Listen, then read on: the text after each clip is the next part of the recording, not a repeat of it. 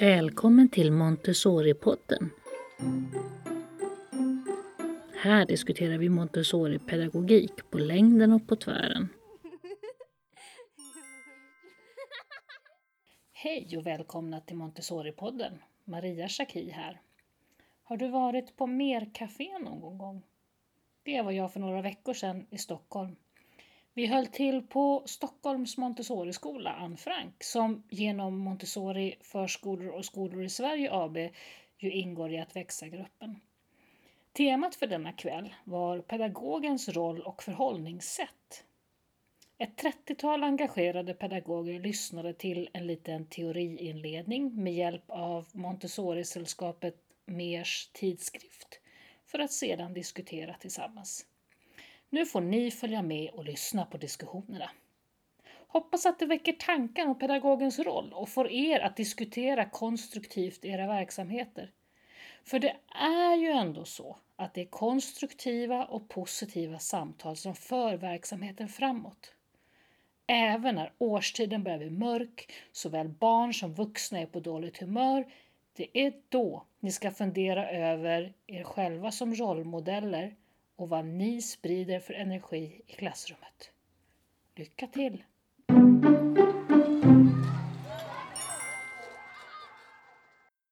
Ikväll är vi på Stockholms Montessori-skola på Mer Café.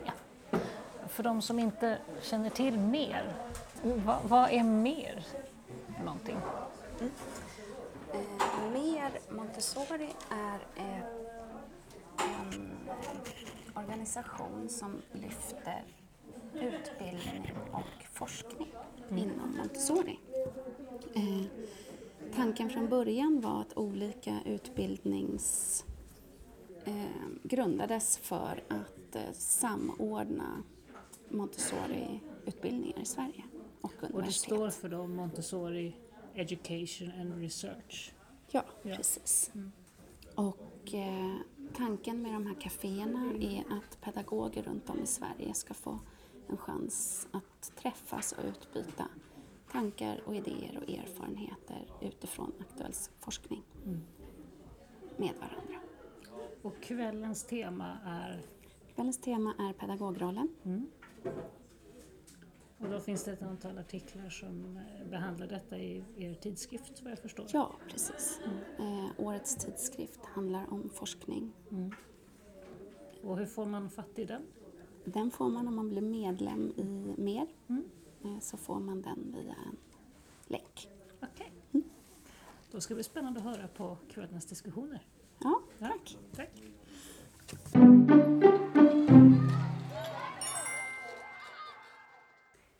Välkomna till kvällens café. Jag heter Johanna Törnqvist och kommer, ja, arbetar ideellt då med MER eh, i deras arbetsgrupp och stöttar styrelsen i, med att bland annat anordna de här kaféerna. Vi brukar vara tre stycken som är med, men tyvärr är Jenny och Sofia sjuka idag. Syftet med kvällen är att vi ska byta erfarenheter och tankar med varandra.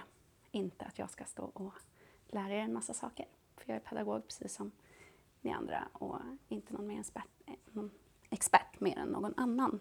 Eh, så fokus kommer ligga på erfarenhetsutbyte mellan er. Kvällens tema är pedagogrollen. Eh, utifrån den här tidskriften som tar upp olika forskningar, bland annat Kerstin Signets avhandling om variation och varians i Montessoris sinnestränade material Eh, och så tar den också upp Eva-Maria Ahlqvists avhandling Skolans levande rum och lärandets villkor, meningsskapande i Montessori-skolans fysiska miljö. Det som eh, är stort och vad som kännetecknar de här båda avhandlingarna, det är att de lyfter begreppet frihet. Eh, frihet är en av grundpelarna i hela Montessori-pedagogiken. Frihet att få följa sin egen ut utveckling och sin egen drivkraft. Eh, och frihet att styra sitt eget lärande. Eh, och det är en stor del av pedagogrollen här. Att skapa, erbjuda och våga erbjuda frihet för barnen. Vi har också, för att kunna ge frihet så behöver vi också observera barnen. Eh, vi behöver få kunskap om vad de kan, var de ligger i sin kunskapsutveckling. Men också förstå vad det är barnet visar oss. Vilka intressen har de? Vad är det som driver dem just nu? Hur kan vi skapa en miljö där barnet i frihet kan utvecklas och driva sitt eget lärande? Eva-Maria Ahlqvist hon skrev i sin avhandling om bedömning av elevernas kunskaper och ifrågasatte prov och andra styrande dokument med ja, att vi ska se vad barnen kan. Eh, och menade att lärare bättre fick reda på barnens kunskapsutveckling när man satt och observerade barnen, hur de använde materialet. Och det är en rätt intressant tanke. Hur mycket observerar vi barnen? Hur mycket låter vi dem jobba med materialet själva? Här tog Kerstin Signet också upp i sin avhandling. Hon observerade hur pedagoger och barn tog sig an det sinnestränande materialet. Och hon bad pedagogen att låta barnen upptäcka materialet helt själva utan presentationer. Och det hon kom fram till det var att barnet till slut kom fram till samma lärande eh, som, eller att materialet användes på rätt sätt till slut, bara det tog längre tid för barnen att komma dit. Men att barnen när de väl kom dit hade en fördjupad kunskap och hade fått driva hela lärprocessen själva. Och att hon menar att vi pedagoger måste våga släppa materialet löst till barnen. Låta dem få prova och testa sin väg. Att hitta, att hitta det som är meningsfullt för dem i materialet. Vi har också miljön. Eh, en stor del i att, vara, att arbeta i en Montessori-miljö är ju att iordningställa och förbereda en miljö som inspirerar till leklärande och utveckling. Då behövs det en känsla av frihet. Eh, både frihet att i miljön få använda materialet, få prova att allting finns framme. Men också frihet i våra rutiner och hur mycket plats tar vi pedagoger av barnens arbetstid? Och hur mycket släpper vi dem löst i materialet och hittar sina egna strategier i sitt lärande? Vi behöver ha en miljö där barnen kan utveckla sin självständighet. För att nå dit så menade Montessori att vi behöver ha en vacker miljö. Eh, en miljö som också är tydlig, där barnen kommer in och lockas på en gång till aktivitet och till materialet. Eh, men att den samtidigt ska bidra med ett lugn där barnen kan hitta sin koncentration. Och här menar Montessori att vi också, det är här vi styr. Eh, vad är det för material barnen lockas av? Där kan ju vi som pedagoger styra barnets lärande. Det behövs en stor del i också respekten. Respekten för barnet, respekten för miljön, respekten för varje enskild individ att få växa och blomstra och bli, utvecklas så mycket som bara varje individ kan. Undervisning också. Och här utifrån tidskriften eh, så genom att ha kunskap om barnet och materialet kan vi erbjuda barnet undervisningstillfällen och samtidigt inte röja barnets frihet. Det handlar ju om att observera och se vad är det barnen visar oss, vad är de intresserade av, vad är det, vad är det som händer i barnet just nu, hur ska vi möta just dig? Har vi den kunskapen så kan vi förbereda en miljö där barnet i frihet kan utvecklas. Det är också barnets intresse och barnets inre drivkraft som styr dem i deras lärande samtidigt som vi pedagoger genom våra berättelser om livet, om materialet i hyllorna, eh, som vi kan inspirera och styra mot olika mål. Vi är också förebilder. Barnen gör som vi gör, inte som vi säger. Det säger vi ofta, men vi behöver nog också påminna varandra och påminna oss själva om vilken förebild jag faktiskt är. En så enkel sak som att inte sätta sig på borden om vi inte vill att barnen ska klättra på borden. Eller vad det kan vara. Det är pedagogens attityd och förhållningssätt som påverkar hela atmosfären i klassrummet. Och Maria Montessori beskriver, läser man hennes böcker, så beskriver hon rätt ingående vad hon tycker krävs av en pedagog i miljön för att kunna möta barnen. Och några delar här är att en pedagog ska ha en blandning av lugn, kärlek, tålamod och medmänsklighet inom sig. Att det är grundbitarna. Kärleken till barnet är så otroligt viktig. Ja, observation är ju också otroligt stort inom omsorg, det har jag redan lyft. Men vi kan inte ställa i ordning en miljö och barnen kan inte få frihet att utvecklas utifrån sina intressen om vi inte observerar och får kunskap om vad det är de visar oss. Och för att barnen ska bli självständiga och oberoende av vuxna menar Montessori att lärarrollen behöver utvecklas enligt tre steg. Pedagogen ska få barnen att känna sig viktiga genom att visa förståelse och respekt för dem. De oroliga barnen ska sysselsättas. Pedagogen måste fånga deras intresse och ändå visa respekt. Det här tar de också upp i en av ANE-behandlingarna i tidskriften. Om hur viktigt det är att vi eh, fångar upp de här barnen som stör. Och Maria Montessori menade att stör barnet väldigt mycket så är det inte moget för de mer abstrakta materialen, utan försök locka in dem till praktiska vardagsövningar och hitta ett inre lugn så att de kan ta sig vidare till mer abstrakta delar. Men det är viktigt att vi som pedagoger försöker fånga upp dem, försöker att få dem hitta sin koncentration och inte fånga upp dem och då kanske gå ut, utan låta dem också få en chans att hitta sin drivkraft. Det säger ju något om vår miljö ibland också. Har vi många barn som stör, då kanske vi inte har en inspirerande miljö för barnen. Eh, då kanske vi behöver tänka till. Vad har vi för material i hyllorna? Möter vår, vår miljö verkligen alla barns behov just nu? Och det viktiga är att pedagogen ska hålla sig i bakgrunden så att barnen i frihet kan hitta ett materialet. Det är ju viktigt att vi pedagoger visar respekt för barnets koncentration. Eh, att vi inte går och, går och stör barnen i onödan. Sitter ett barn koncentrerat så går vi inte dit och pratar med barnet just då, utan kan prata om vad de arbetat med senare. Eller när barnet är moget och kommer fram till oss och vill berätta om sitt arbete. Vi ska bemöta barnet genom att se det som, som en egen individ. Vi möter barnet på deras nivå. Vi försöker vara här och nu och ser barnen i ögonen. De barn som blir bemötta med respekt under sin uppväxt blir oftare mer trygga som vuxna och får lättare kontakt med sina känslor samt utvecklar förmågan att känna empati och respekt för varandra och andra. Miljön har vi varit inne på redan lite. Men det är en otroligt stor del av vår roll eh, att hela tiden hålla miljön uppdaterad. Det tar mycket av vår tid. Tid och engagemang. Men jag känner själv i min pedagogroll att om jag jobbar mycket aktivt med miljön och tar fram material och ser till att möta varje barn, då blir det också roligt för mig att jobba i miljön och locka barnen. Att det blir ringa på vattnet och då känner ju barnen, de känner ju min drivkraft i miljön eh, och blir lockade av den. Lärarrollen och inställning har stor betydelse när det gäller kunskapen och vetskapen om pedagogikens begrepp och synsätt. Eh, bristen på Montessoriutbildade lärare, vad kan det då leda till i en Montessori-förskola och skola? Eh, vi pratar mycket om, om kunskap och kunskap om barnet. Eh, men vi behöver ju också ha en kunskap i Montessori och om materialet för att kunna förstå vad det är barnet visar oss.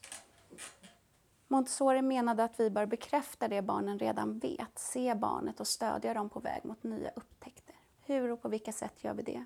Hur skapar vi utrymme för tron på barnet? Avsluta med ett eh, citat från Montessori som lite visar på det viktiga i pedagogrollen. Det finns inget behov av hennes ord, hennes energi, hennes stränghet, utan det som behövs är vishet, förmåga att veta när hon ska betjäna, närma sig och dra sig tillbaka, när hon ska tala och när hon ska hålla tyst i enlighet med vad som behövs. Hon måste bli moraliskt vaken, något som inte krävs av någon annan metod och måste förvärva en blandning av lugn, tålamod, kärlek och medmänsklighet. Jag tänker att det, det här tycker jag visar så stort på respekten som en pedagog visar, men också hur viktigt vårt uppdrag är. Jag tänker att eh, pedagogrollen är så otroligt komplex med så många olika delar. Och skulle alla veta om de här olika delarna och vilket stort arbete det är så skulle vår status höjas rätt rejält. Det jag tänker att vi ska fortsätta med ikväll, det är att prata om pedagogens roll med den här sliden. Så tänker jag att vi går in på alla de här olika bitarna. Hur jobbar vi på våra ställen med det här? Eller på våra förskolor och skolor? Vad skulle vi vilja att det var? Finns det någonting som vi kanske måste förändra? Och kan vi utkristallisera vad, vad står alla de här bitarna för? Kan vi samlas kring en enad förståelse av de här.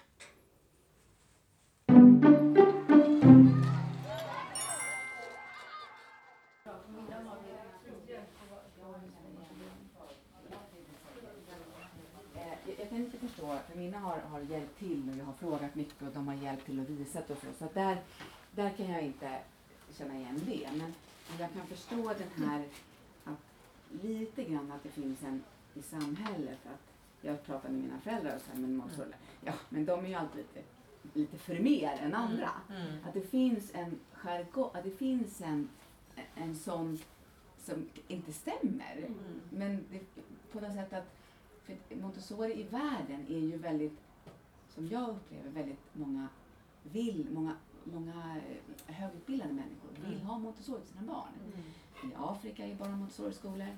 Hela i USA är det många, många framgångsrika som har sina barn på Montessori-skolor. Att det är ganska hög prestige med Mm. Montessori. I USA Har jag. är det bara de som är rika som har råd att ha sina barn på Ja, Montessori-skola. ja. det Alltså det, och det är ju konstigt, mycket. materialet är Ja. dyrt men Mm. det är ganska ansett, väldigt ansett som en... Och jag tror att det, det kanske... Jag vill ju inte tro att det, att det är så. Att det är att de är för mer. Utan jag vill ju som du, jag vill ju liksom... Vi är tillsammans, vi, sen Mm. har man självklart olika utbildningar. Mm. Det är samma sak som vi förskollärare och barnskötare. Mm. Vi, det är också stor skillnad i löneutveckling och, och, och så. Mm. Så att, och man gör nästan samma Mm. jobb men ändå gör vi Mm. andra, andra saker. Så Mm. Det är många faktorer i det. Mm. Mm. Och, och, eh, men jag har verkligen sett deras, deras stolthet i yrkesutövningen är Mm. enorm. Mm. Eh, som jag bara, wow, alla skulle, Mm. alla skulle bli Montessori-lärare. Även vi förskollärare skulle behöva den här, alltså sträck på er, fasen! Hela den här kåren skulle bara behöva höjas mycket, mycket mer. Media försöker men det går inte.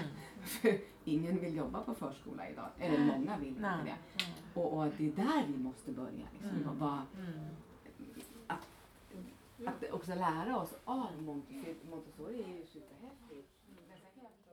Och har sexåringarna fjärde året. Ja, det, det, ja, det är ofta en liten sorg sådär säger ja nu precis när liksom, det börjar hända saker. Mm. Det är dags att röra på sig. Men det tycker jag är... Alltså, man tror först att man... Ja, vad gör jag för fel? Eller vad gör vi för fel som inte får det att funka som det alltid har funkat? Eller har funkat på ett helt annat sätt tidigare. Mm. Det är när man har haft en verkligen en lugn verksamhet. Man har hunnit göra presentationer, man har hunnit ja, på ett helt annat sätt. Och sen bara på, jag kan säga på, sen vi gick utbildning ungefär. Ja, jag, jag vill här in, inflika, för att jag, jag är ju förskollärare i botten så att jag känner precis som, som du och, och som du att det här med Montessori tyckte jag var jo, men intressant men det kändes ganska stelt eh, för mig också. Och för mig var leken väldigt viktig. Alltså det är ju så när man har läst förskollärare. Ehm, eh, men däremot när jag...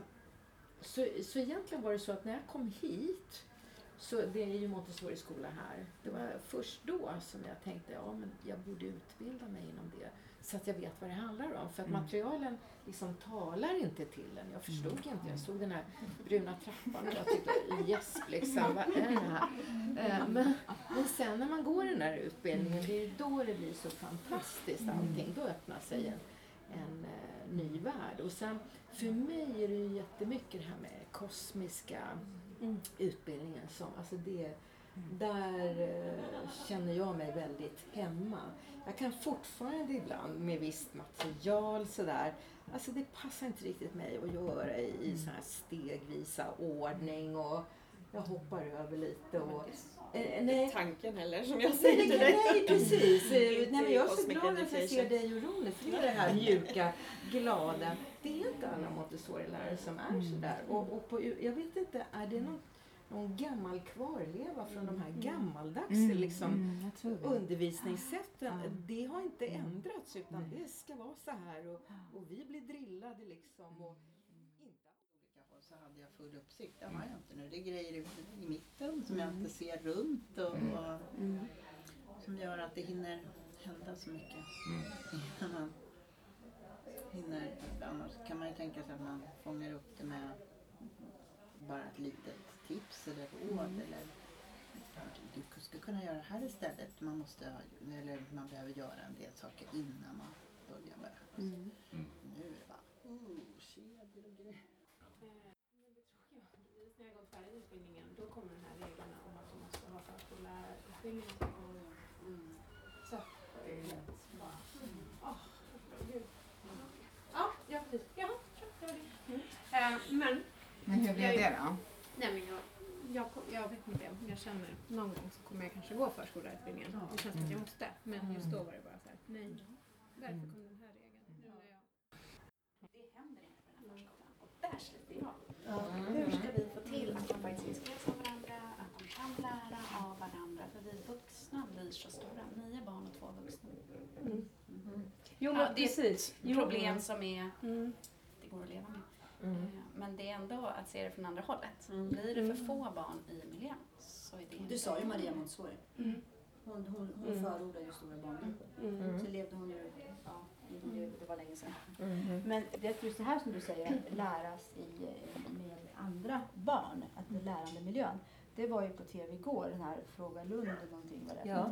Och då var det någon fråga, jag hörde inte frågan, men hon som svarade. Hon var så jätteduktig.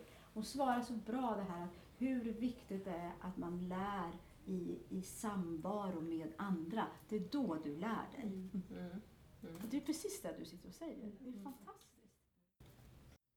Och det är roligt, för jag och jag satt och pratade innan vi kom hit också. Ja, vi skulle väl ha lite fler barn inne än halva gruppen. Ja. Men det går ju inte då. Då ska ju de ut på eftermiddagen. Har vi ju ännu färre inne på eftermiddagen. Så det går ju inte.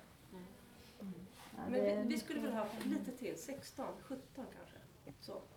Men nu har vi liksom 12 eller 13. Det är lite så här, så är inte alla där. Nej, Då exakt. är vi nere i väldigt ofta 10. vi är på fem, sex barn. Ja, men det är ju ingenting. Nej.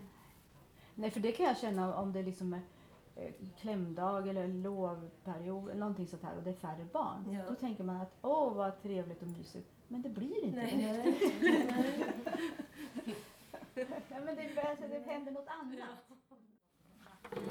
Och så när folk går förbi och eh, kanske föräldrar att ja, här sitter du och sitter. Ja, här sitter jag och sitter. Mm.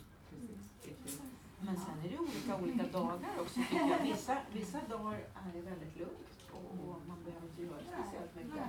Och andra dagar så är det liksom mera vibrationer och, och det är liksom ja, gruppdynamik, kan ha hänt saker hemma och, och sen också längre in på terminen tror jag, för jag är väl ganska stressigt med början på terminen. Det är nya sexåringar som, som ska in och så då är det emellanåt känns lite, då får man vara jätteaktiv och det känns lite kaotiskt och jättebra som du säger med, med läraren, alltså man måste ju tänka på vad man ska göra. Men ibland hamnar man ju i att man kanske pratar om som eh, är oroliga. Eh, och de kanske behöver det här praktiska. Så där kanske man faktiskt skulle tänka lite, vad kan man ha i klassrummet? Absolut. Och speciellt för, för sexåringar så Mm. kan man ju ha en, Mm. en. En hörna, det, det tycker jag. Men sen, borde så som vi, Mm. så som vi hittills här, det är att vi, eh, de, de äldre barnen, jag jobbar på övervåningen med 1 till 2, de får liksom gå, gå in före och förbereda miljön. Då har de gjort det här ett par år. De vet det ska göras. Ett pärlbord, ett och då kan, de, kan vi skicka upp dem och så kan de förbereda och så är vi kvar på gården med de andra. Och det är också ett steg i praktiskt. Att de får hjälpa till att förbereda. Du känner dem ju. Barnen känner ju om det är äkta. Om det är att, att, att jag är äkta närvarande. Jag, bara, jag ser dig, jag vet allt.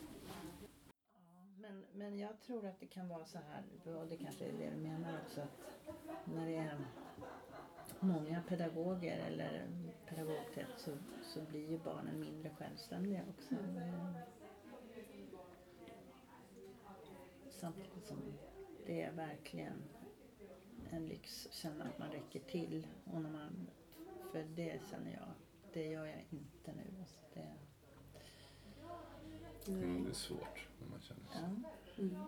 Vi börjar någonting som jag sa till dig och sen så, eller sa nyss, börjar en presentation och sen bara händer det fyra saker samtidigt som man inte kan låta bli att göra någonting Ja, åt. Resa, ja.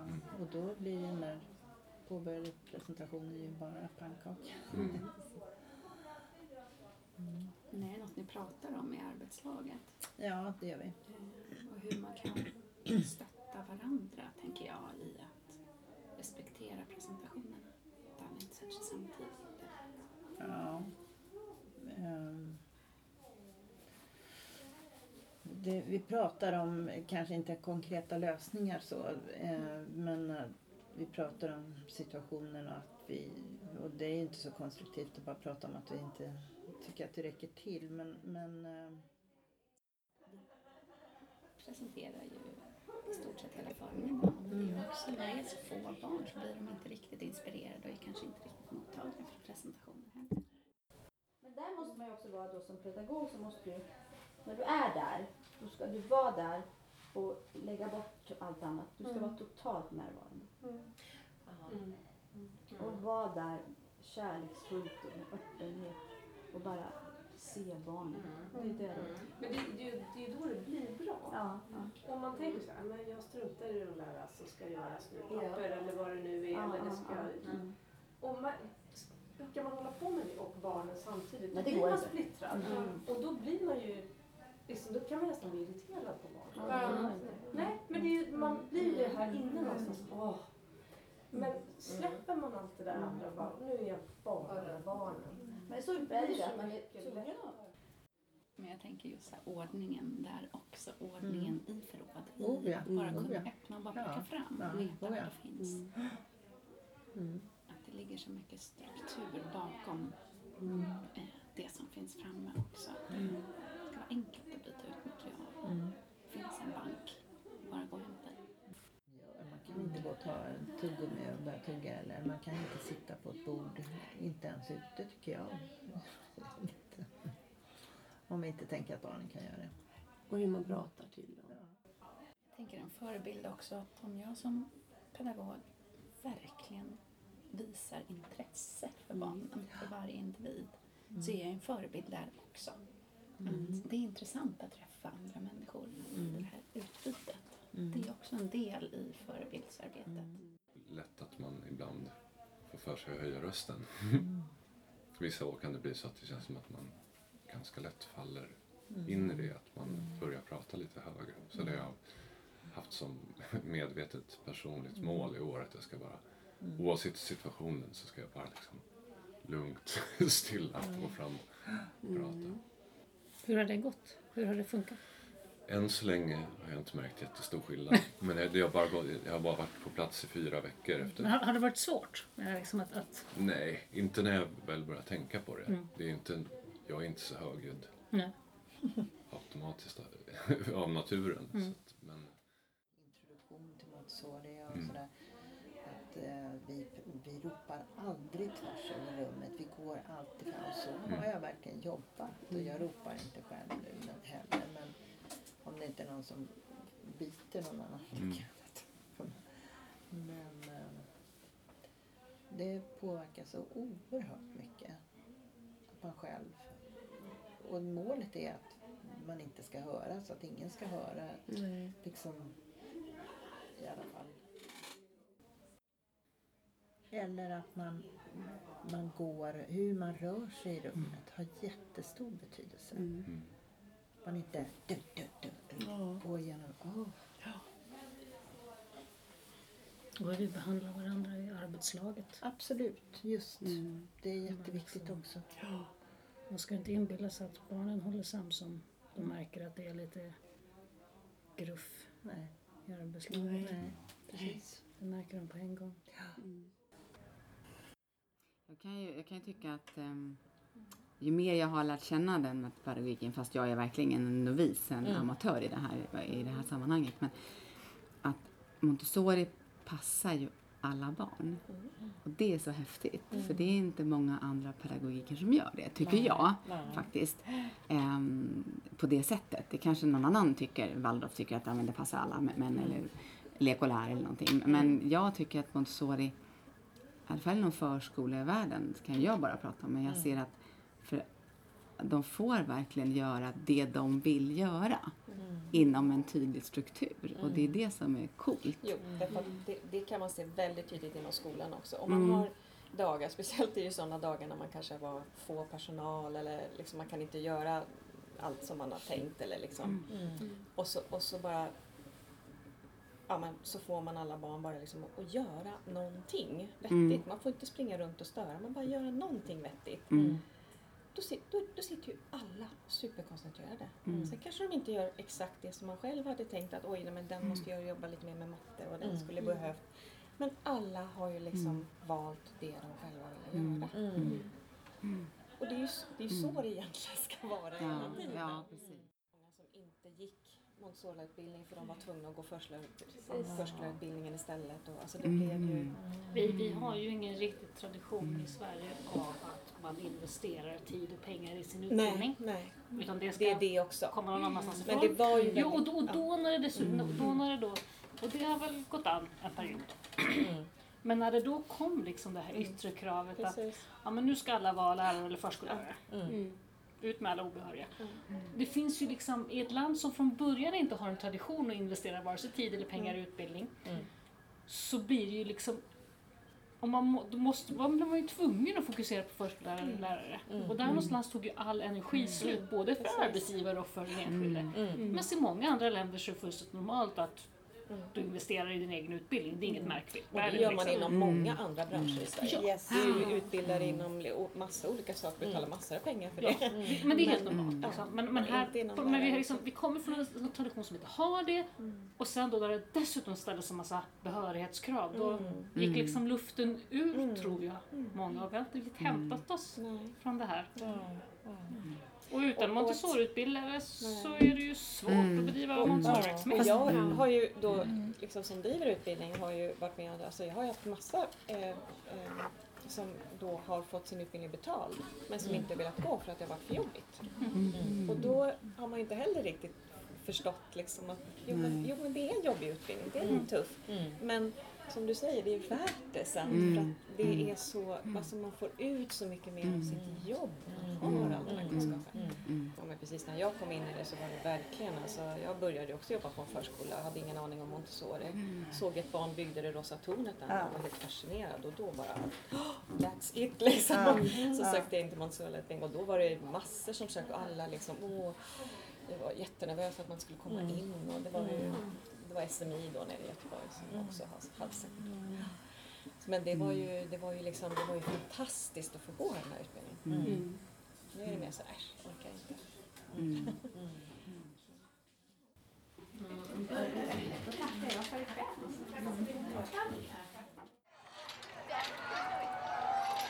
Då